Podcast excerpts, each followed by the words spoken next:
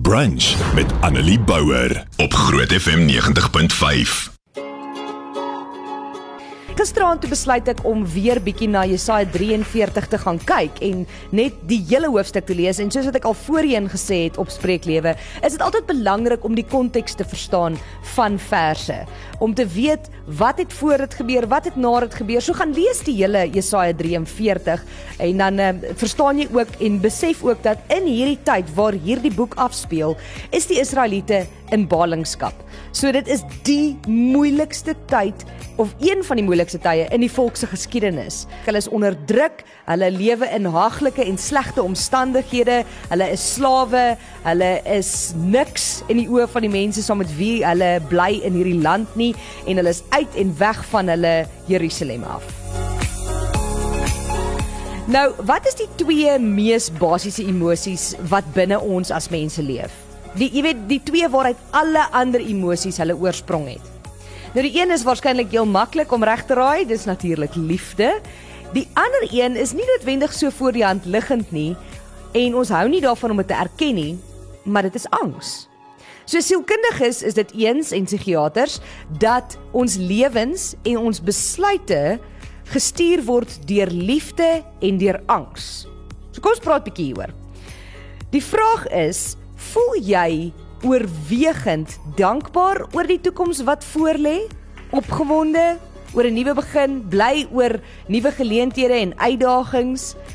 Dan is jou toekoms gebou op die emosionele fondament van liefde, want al daardie gevoelens spruit uit dit voort. Dit is wat die wetenskap sê. Hierdie is nie my my antwoord nie.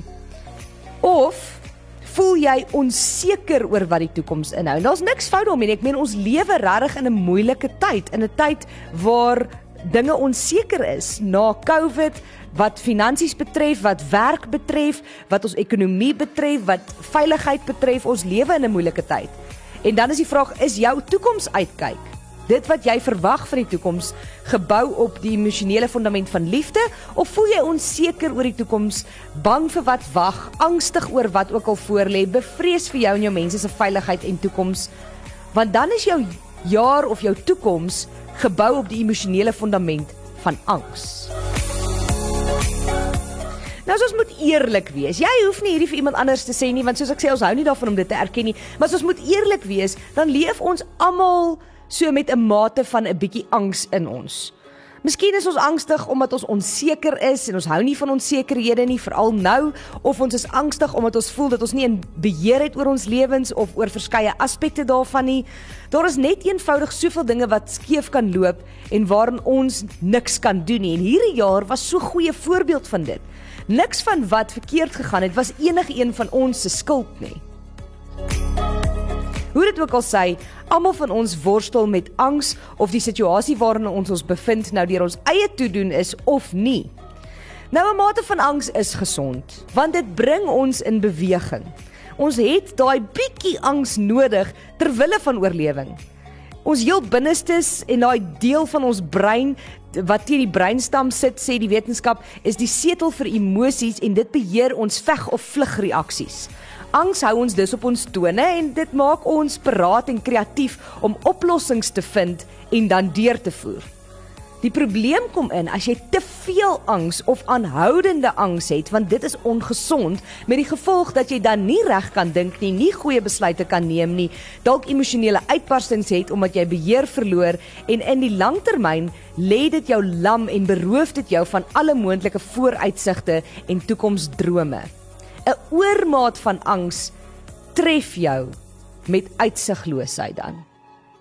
Nou kom ons kyk na Jesaja 43, spesifiek vers 1 tot 7 en is nogal 'n lang stuk so ek gaan hom vir jou lees. Dit sê: "Luister, so sê die Here wat jou geskep het, Jakob, wat jou gevorm het, Israel, moenie bang wees nie. Ek verlos jou. Ek het jou op jou naam geroep. Jy is myne." As jy deur water moet gaan, is ek by jou. Deur riviere, hulle sal jou nie wegspoel nie. As jy deur vuur moet gaan, sal dit jou nie skroei nie. Die vlamme sal jou nie brand nie, want ek is die Here jou God, die Heilige van Israel, jou redder. Ek gee Egipte as losprys vir jou, Kus en Seba in jou plek, omdat jy vir my kosbaar is, omdat ek jou hoog ag en jou liefhet, gee ek mense in jou plek, volke in ruil vir jou lewe. Moenie bang wees nie. Ek is by jou. Ek bring jou kinders van die ooste af, ek maak hulle bymekaar van die weste af. Ek sê vir die noorde, gee vir die suide, moet hulle nie terughou nie.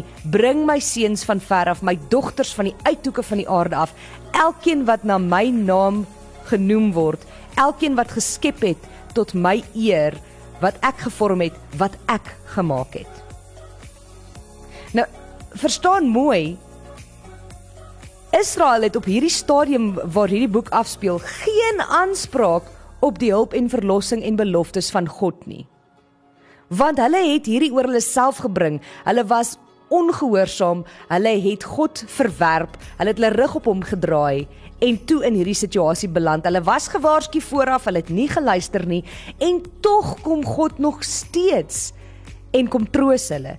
Die God wat hulle geskep het, troos hulle met woorde wat sê moenie bang wees nie. En jy kan amper daar 'n wand insit want hy sê dan hoekom? Hy sê ek verlos jou.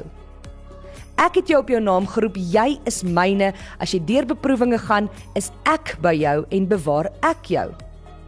Nou eers het ons gehoor dat God die volk kan help omdat hy die skepper is van alle dinge. Dit sê hy dan in die hoofstukke voor dit. Tweedens het ons dan gehoor dat God hulle moet help omdat hy 'n ooreenkoms met hulle gesluit het en hy dit nie sal verbreek nie. Daarom sal hy hulle bewaar deur water en riviere, vuur en vlamme. Hulle sal nie wegspoel nie, hulle sal nie brand nie, want juis daar sal hulle ontdek dat hy by hulle is. Nou hier kom ons dan nou by die middelste gedeelte van hierdie teks, die klimaks, daai lekker deel wat sê hoekom al hierdie woorde van troos en waarom sulke beloftes en dan sê God omdat ek die Here jou God is, die heilige van Israel, jou redder. Dis van wie wie ek is dat ek jou sal help. Maar ook omdat jy vir my kosbaar is, omdat jy swaar weeg letterlik en ek ek is lief vir jou. En ek wil hê jy moet fokus op daai ah, die die gedeelte wat sê moenie bang wees nie word so vinnig deur gelowiges aangehaal en ek het al voorheen hierdie genoem. Dit beteken nie jy mag nie bang wees nie. Soos wat ons nou gehoor het, is dit een van die twee emosies waaruit alle emosies kom, is angs.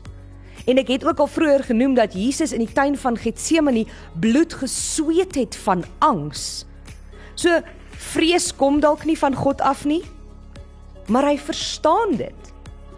En dit het ek 'n vorige keer ook al gesê, God verstaan daai angs en daai vrees. Hy sê nie jy mag nie bang wees nie, hy sê moenie bang wees nie. En dan sê hy vir jou hoekom? Want ek is die Here jou God, die Heilige van Israel, jou redder. Ek is lief vir jou. Ek is by jou. Ek pas jou op. Ek dra jou deur hierdie tyd.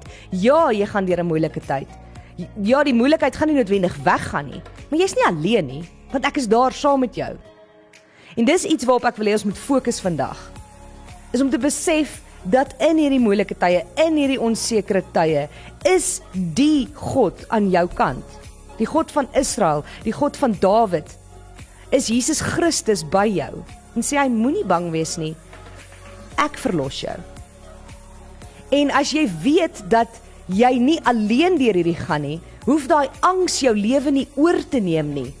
Kan jy daai angs omsit in juis daai energie wat jy nodig het om oplossings te kry, om kreatief te begin dink en om dit om te sit in liefde en emosies wat positief in jou lewe uitwerk. So mag jy in die week wat voorlê en in die res van hierdie jaar jou oë op God terug en mag jy weet dat jy nie alleen is nie. Mag jy weet dat ja, selfs al is jy dalk bang of angstig, dat God jou daardeur sal dra en dat jy daai angs dan kan omsit in juis daai kreatiwiteit wat jy nodig het. Mag die God van Israel, die God van Jakob, die Skepper en Jesus Christus hierdie pad saam met jou stap en mag jy besef dat jy kosbaar is. Annelie Bouwer, weekoggend tussen 9 en 12 op Groot FM 90.5.